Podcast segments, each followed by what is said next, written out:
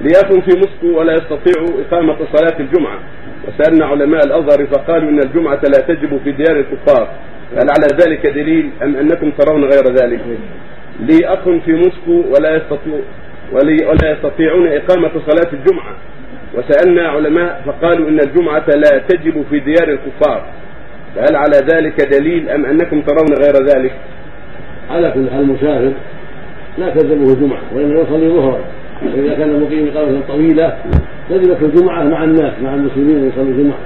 فإذا كان في فإذا كان في بلاد ما فيها جمعة ولا يصلي أحد الجمعة صلى ظهرا ولا تلزمه الجمعة. أيوه. يصلي ظهرا. أما إن وجد مسلمين يصلون الجمعة فإنه تلزمه ويصلي معهم تبعا له يصلي معهم الجمعة. وإلا فلا شيء عليه. يصلي